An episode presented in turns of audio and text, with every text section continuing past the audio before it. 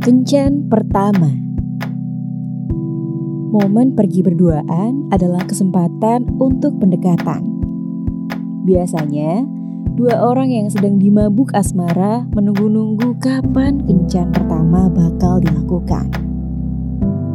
Tentu, tempat-tempat menyenangkanlah yang dituju. Tapi, selain perihal cinta, apa ia harus terbuka juga soal siapa yang menanggung biaya? Mari kita dengar cerita cinta dari hati. Kali ini di segmen Dari Hati, gue akan membahas perkara bayar-membayar di kencan pertama. Beberapa minggu lalu gue sempat melakukan survei kecil-kecilan di akun Instagram gue dengan pertanyaan ini. Kalau di kencan pertama, kamu pengennya ditraktir partner atau selalu siapin budget sendiri? Dan ternyata sebanyak 82% memilih siapin budget sendiri untuk kencan pertama dan sisanya sebesar 18% memilih ditraktir sama partnernya. Wow, sebetulnya kayak gimana sih pengalaman orang-orang saat kencan pertama mereka? Nah, gue udah merangkumnya di sini ke dalam beberapa cerita. Jadi, yuk kita dengerin sama-sama. Nah, yang pertama ada dari Aji. Menurut gue paling aman kencan tuh di restoran cepat saji atau coffee shop di mana pesan langsung bayar. Jadi langsung otomatis bayar sendiri-sendiri. First impression emang penting sih, tapi ya kalau mau makan mahal ditanggung satu orang, mending pas udah jadian aja gak sih?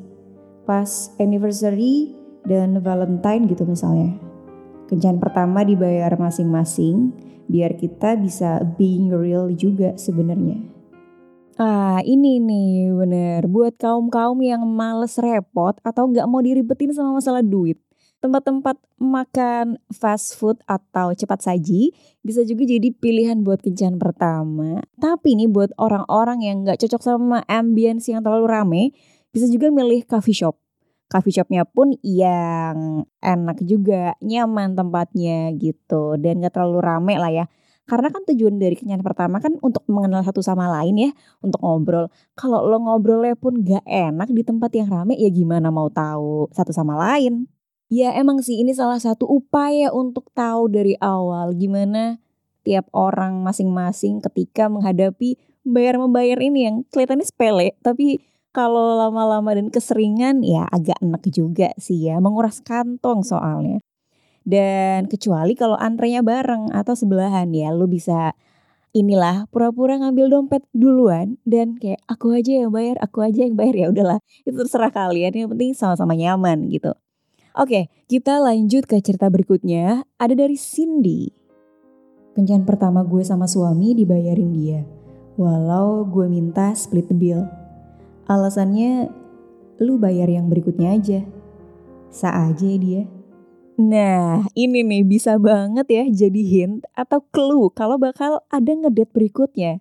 Ya dong, tadi kan partner bilang bahwa lo aja yang bayar untuk berikutnya gitu. Karena dia udah bilang begitu, ya berarti kan ini ada semacam apa ya, memupuk harapan kali ya. Atau bisa dibilang juga dating tips tipis-tipis alias subtil padahal kan tujuannya jelas. Kalau memang doi itu tertarik jalan sama kita gitu. Nah silakan deh teman-teman coba ya kapan-kapan um, itu beneran terjadi apa enggak gitu.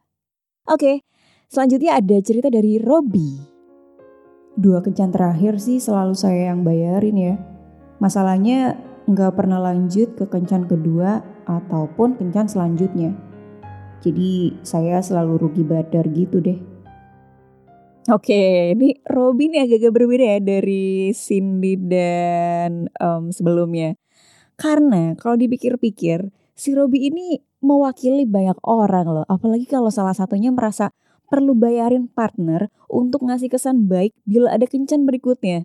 Ini semacam harap-harap cemas juga dan gambling sih menurut gue.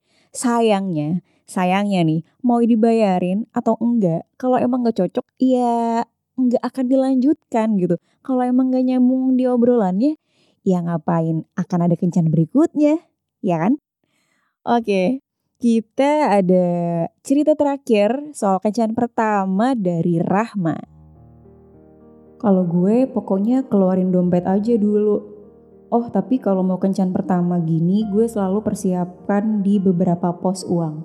Misalnya harus ada uang tunai yang paling enggak bisa buat bayar makan berdua ada beberapa macam e-wallet yang terisi ya minimal buat makan berdua lah di platform yang berbeda.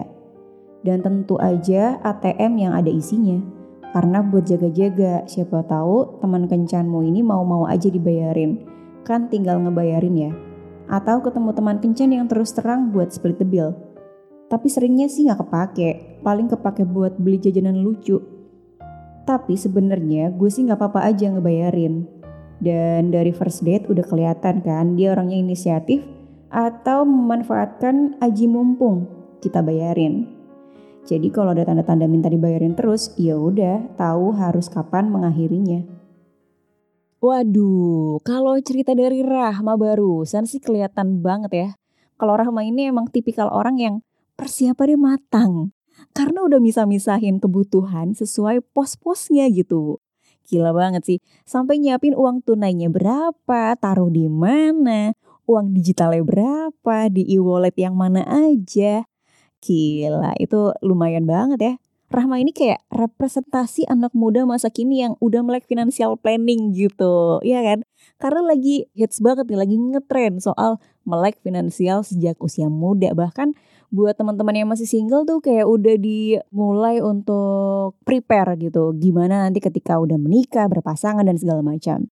Bahkan hal kecil aja diperhatiin loh sama Rahma. Tapi mungkin ini bisa jadi daya tarik sendiri ya buat partnernya karena berarti sejak kencan pun Rahma udah bisa mengelola keuangan gitu. Gimana nanti kalau misalnya udah berumah tangga atau udah nggak sendiri lagi hidupnya itu seenggaknya partner tuh punya gambaran ketika kelak kemungkinan besar ya nggak akan kaget dengan bagaimana cara mengelola keuangan. Tinggal beradaptasi aja nih sama jumlah uang dan uangnya siapa gitu ya. Wow, boleh banget nih dicoba. Oke deh, cerita Rahmat tadi mengakhiri bahasan kencan pertama kali ini.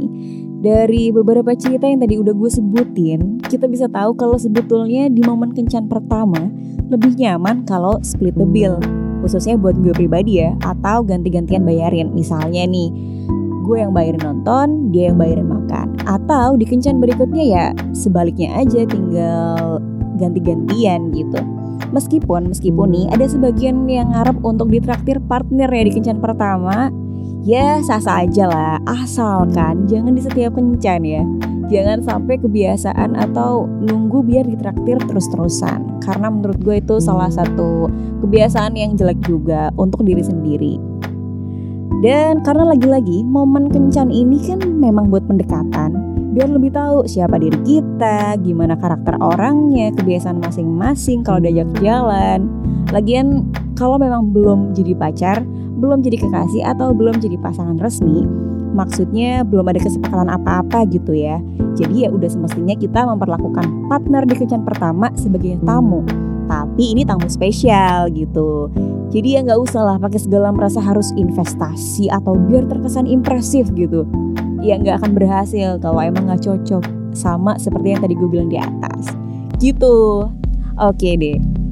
Buat kamu yang mau kirim cerita atau pertanyaan seputar dating, seks, dan relationship, bisa ke email podcastdating.id@gmail.com atau DM ke Instagram at underscore podcast atau ke Twitter at Follow dan subscribe Potluck Podcast di Youtube juga Instagram untuk info soal episode terbaru dari jaringan Potluck. Terima kasih buat kamu yang udah menyimak episode ini. Selamat beraktivitas. Sampai jumpa di episode berikutnya.